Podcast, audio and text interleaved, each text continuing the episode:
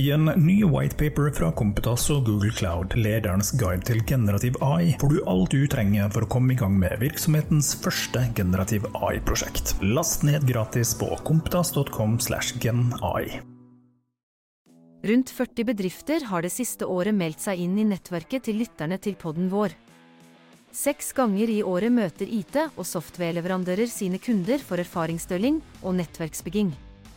Se teknologioptimistene.no for oversikt over medlemsbedrifter og nettverkssamlinger. Jeg er ikke et menneske, men en stemme generert med kunstig intelligens, men på samlingene møtes ekte mennesker. Du lytter til Teknologioptimistene fra Europower Partner.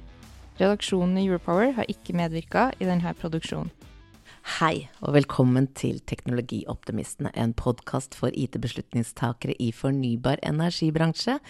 Jeg heter Pia Christensen Moe og jobber i Europower. Og med meg i studio i dag så har jeg Jon Martin Storm, senioringeniør IT, OT, sikkerhet i tilsyns- og beredskapsavdelingen hos NVE. Velkommen! Tusen takk, Pia. Ja. Du, Jon Martin, hvem er du? Det er et veldig vanskelig spørsmål. Hvem er jeg? Jeg er en optimistisk eh, byråkrat som er nysgjerrig på det meste, og liker at ting virker. Liker at ting virker. Ja, men den er veldig grei, egentlig. Da, da er det flott. Um, tidligere så har vi hatt dette her med å spørre om fun fact, men nå så vil jeg gjerne forandre litt på spørsmålet, fordi jeg vil heller vite, hva er det mest utfordrende du har gjort i jobbsammenheng?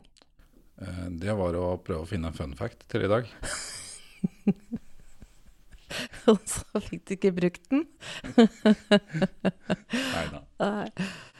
Eh, Det mest utfordrende jeg har gjort i jobbsammenheng, det må vel være Det må vel være å nettopp klare å lage noe som er om sikkerhet, som samtidig skal fungere. Altså, når jeg sier det, så mener jeg at vi lager barrierer, for det er jo sikkerhet skal gjøre. Skal lage fornuftige barrierer. Men vi skal ikke lage dumme barrierer. Og det å klare å gå den balansen, det er vanskelig. Så du er jo da senioringeniør, IT-OT-sikkerhet, i tilsyns- og beredskapsavdelingen. Men hva er egentlig jobben din?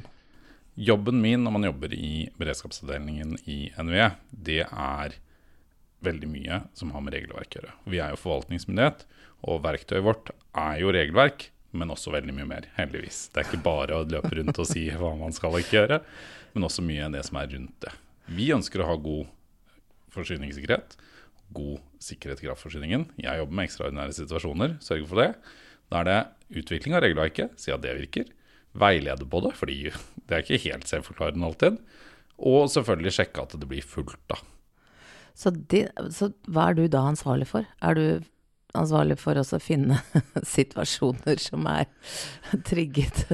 Eller hva, hva er du ansvarlig for? Jeg er ansvarlig for også eh, eller jeg- Jeg vil ikke si at jeg er ansvarlig for så veldig mye, vi er medarbeidere hele gjengen. eh, Men jeg er med på, er bedre å si, Ja. eh, å se spesielt på IT- og OT-sikkerhetsbiten. Ja. Og da er det å se at det vi gjør, og det regelverket vi har, Ja. virker for det målet det skal gjøre, er å ha god IT- og OT-sikkerhet, god nok.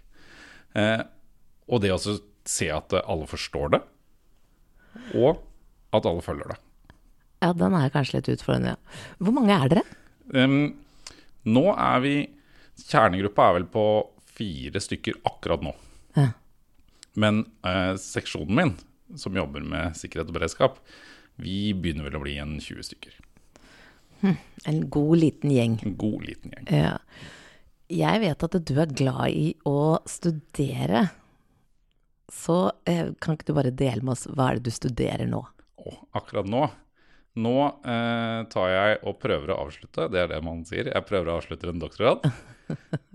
som er eh, nettopp i eh, sikkerhet for eh, digitale systemer som kontrollerer kraftforsyningen.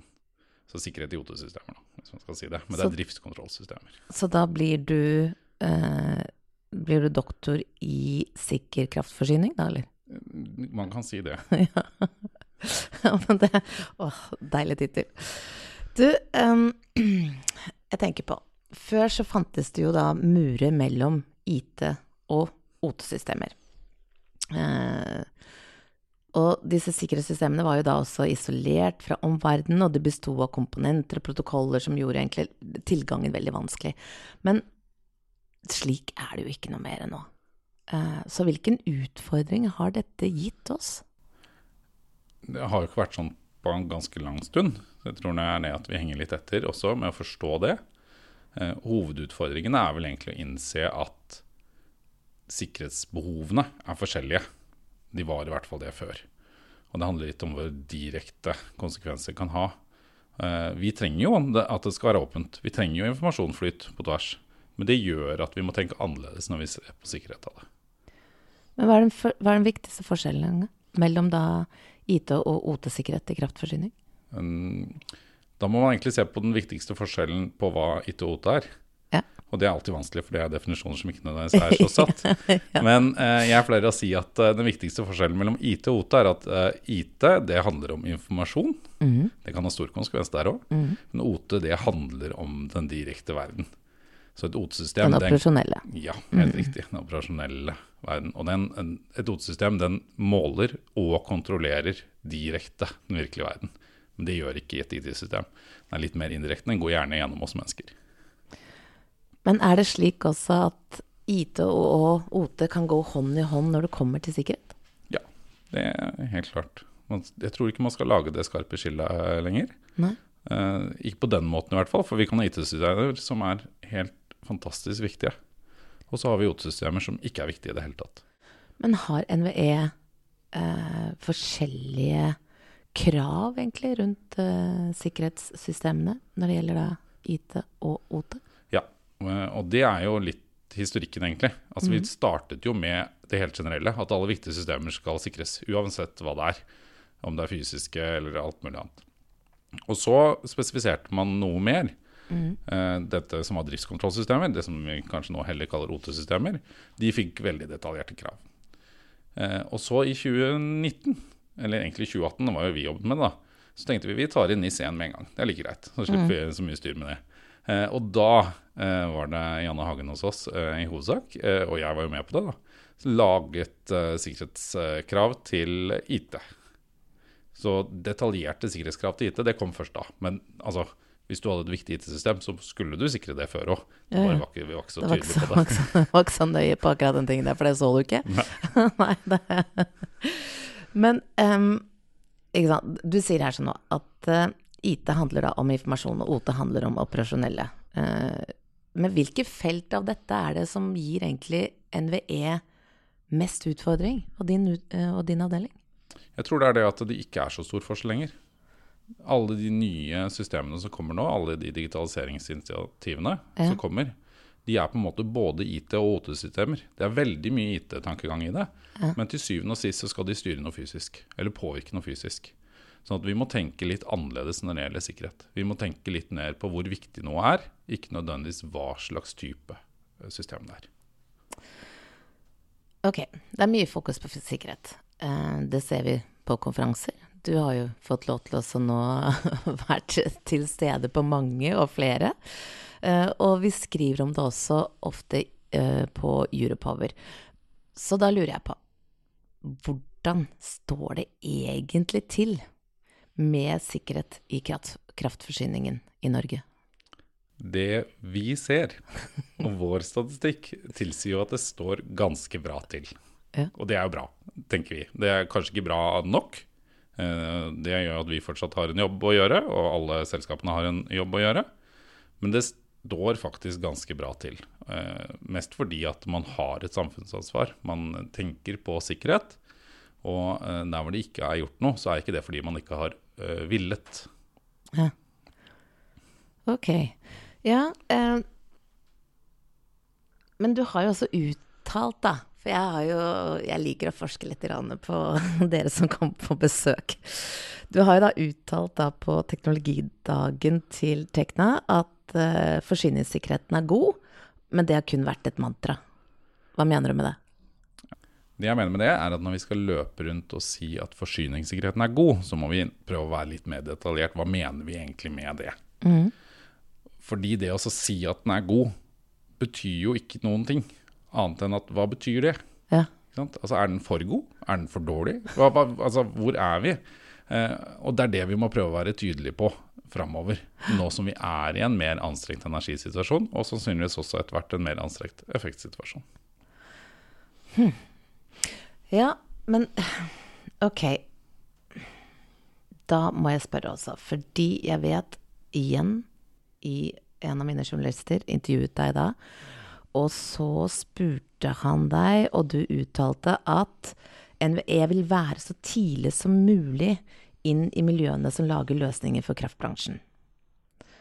Uh, hva mener du med det? Ja, fra et sikkerhetsperspektiv så er det litt tilbake til det jeg sa i stad. Altså, vi vil ikke være partybeeperen som kommer inn på slutten og ser på et kult system og sier at nei, men dere kan ikke bruke det, for det er ikke sikkert nok. Mm. Vi vil være inne og se hva er det dere har lyst til å lage. Hvordan kan det sikres på en god måte, sånn at vi tåler ekstraordinære situasjoner? Og likevel kan gjøre alle de kule tingene.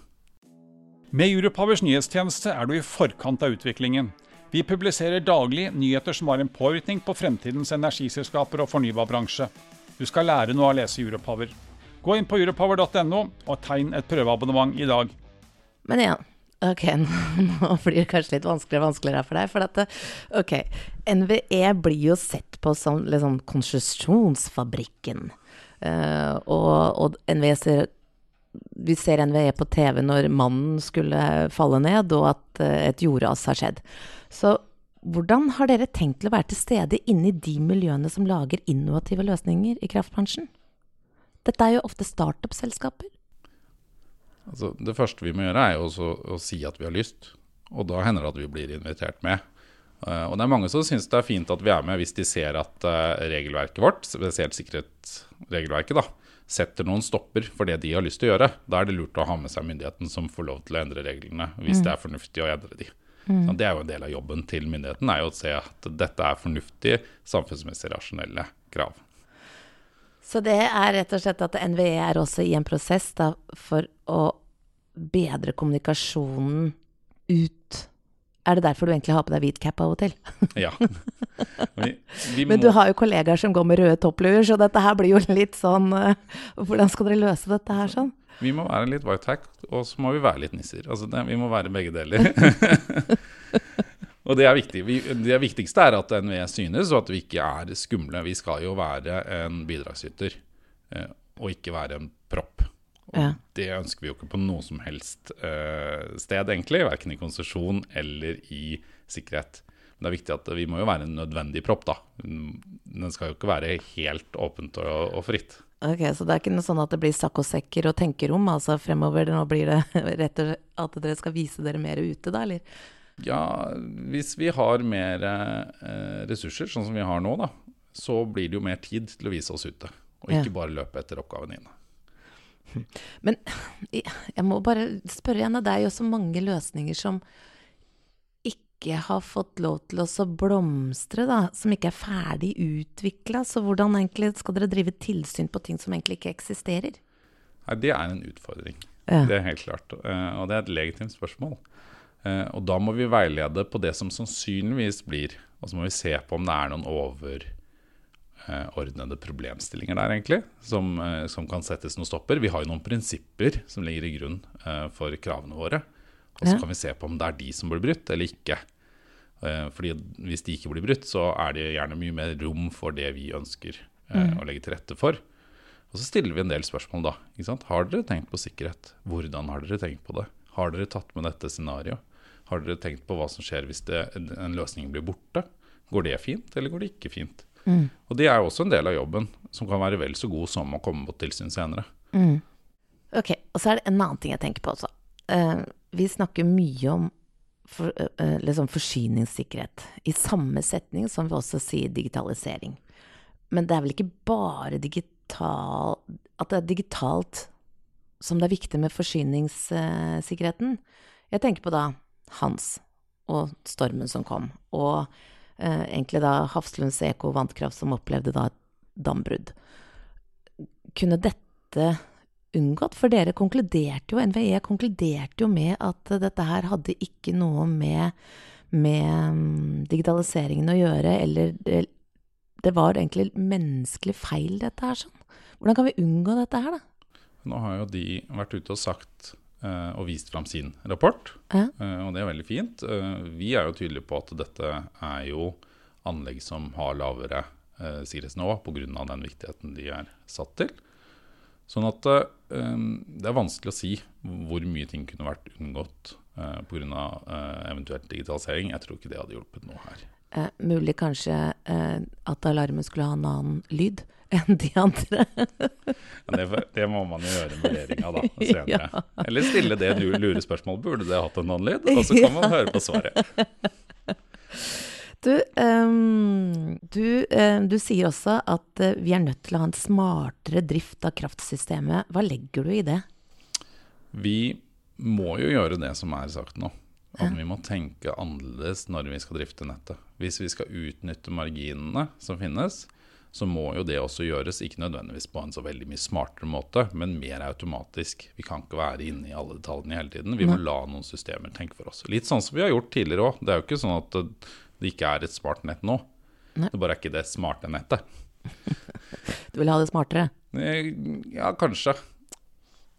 Men eh, hva kan teknologien gjøre da, for å få liksom sånn forsikre da forsyningen? Teknologien den kan hjelpe til både med å finne løsningene til hvordan vi optimaliserer. Samtidig så kan man bruke teknologien til å sørge for at de løsningene ikke skaper nye risikoer. Eh, hvis vi drifter nettet nærmere marginene fordi vi har gode løsninger, og vi er avhengig av de løsningene for å kunne være der, så vet vi også at det er en konsekvens at de blir borte. Men det kan også løses både med gode prosesser, selvfølgelig, og det er jo vi som mennesker som til slutt gjør alt fordi vi implementerer det. Men teknologien eh, eh, Vi må se mulighetene i, i på en måte sikringsbiten av den også. Og da kommer da det populære AI-spørsmålet. Eh, har det blitt mer utfordrende å sikre forsyninger etter at det da AI kom til verden, eller at det begynte å bli bruk? Altså, AI Er det mer dere må begynne å tenke på? Ja, det er det jo.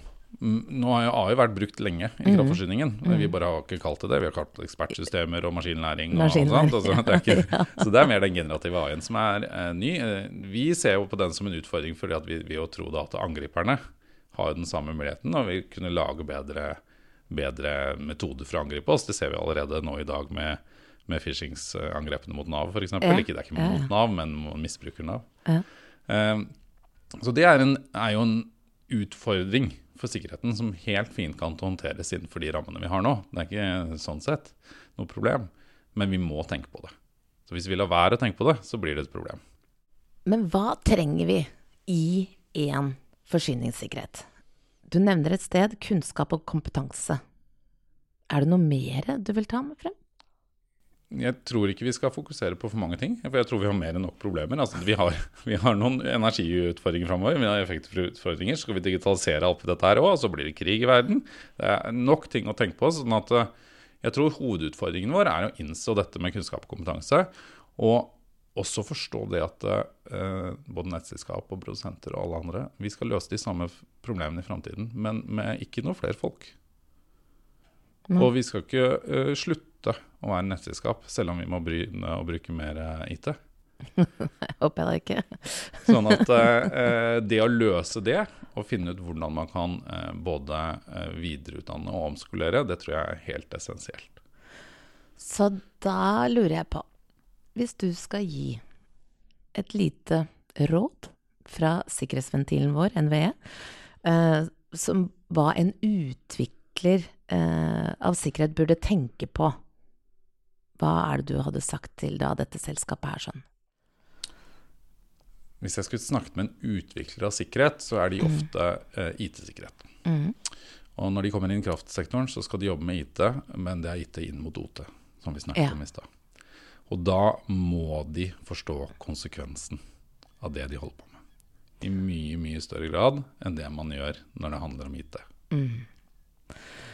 Det var et godt råd. Du, før vi avslutter denne episoden, så um, skal jeg stille deg et spørsmål. Om du nå fikk en tidsmaskin som ga deg mulighet til å fikse ett problem eller utfordring innenfor kraft og energi, hva ville det ha vært? Da tror jeg jeg ville reist tilbake til sånn midten av 90-tallet og sagt at uh, vi må fortsette å bygge nett. For mer nett er rett alltid uansett. En gang til, hva sa du da? At det, Mer nett er rett alltid uansett. Veldig bra, veldig bra. Utrolig hyggelig at du tok deg tid, Jon Martin, til å komme hit til Teknologioptimistene. Og tusen takk til deg som lytter og har satt vår podkast som en favoritt. Mitt navn er Pia Christensen Moe, og jeg er en teknologioptimist. Og Jon Martin, da går spørsmålet til deg. Er du en teknologioptimist? Ja. Jeg er en ansvarlig teknologioptimist. Da er det bare å si takk for meg. Rundt 40 bedrifter har det siste året meldt seg inn i nettverket til lytterne til podden vår. Seks ganger i året møter IT- og softwareleverandører sine kunder for erfaringsstølling og nettverksbygging. Se teknologioptimistene.no for oversikt over medlemsbedrifter og nettverkssamlinger. Jeg er ikke et menneske, men en stemme generert med kunstig intelligens, men på samlingene møtes ekte mennesker. I en ny whitepaper fra Kompetas og Google Cloud, lederens guide til generativ AI, får du alt du trenger for å komme i gang med virksomhetens første generativ AI-prosjekt. Last ned gratis på kompetas.com slash genai.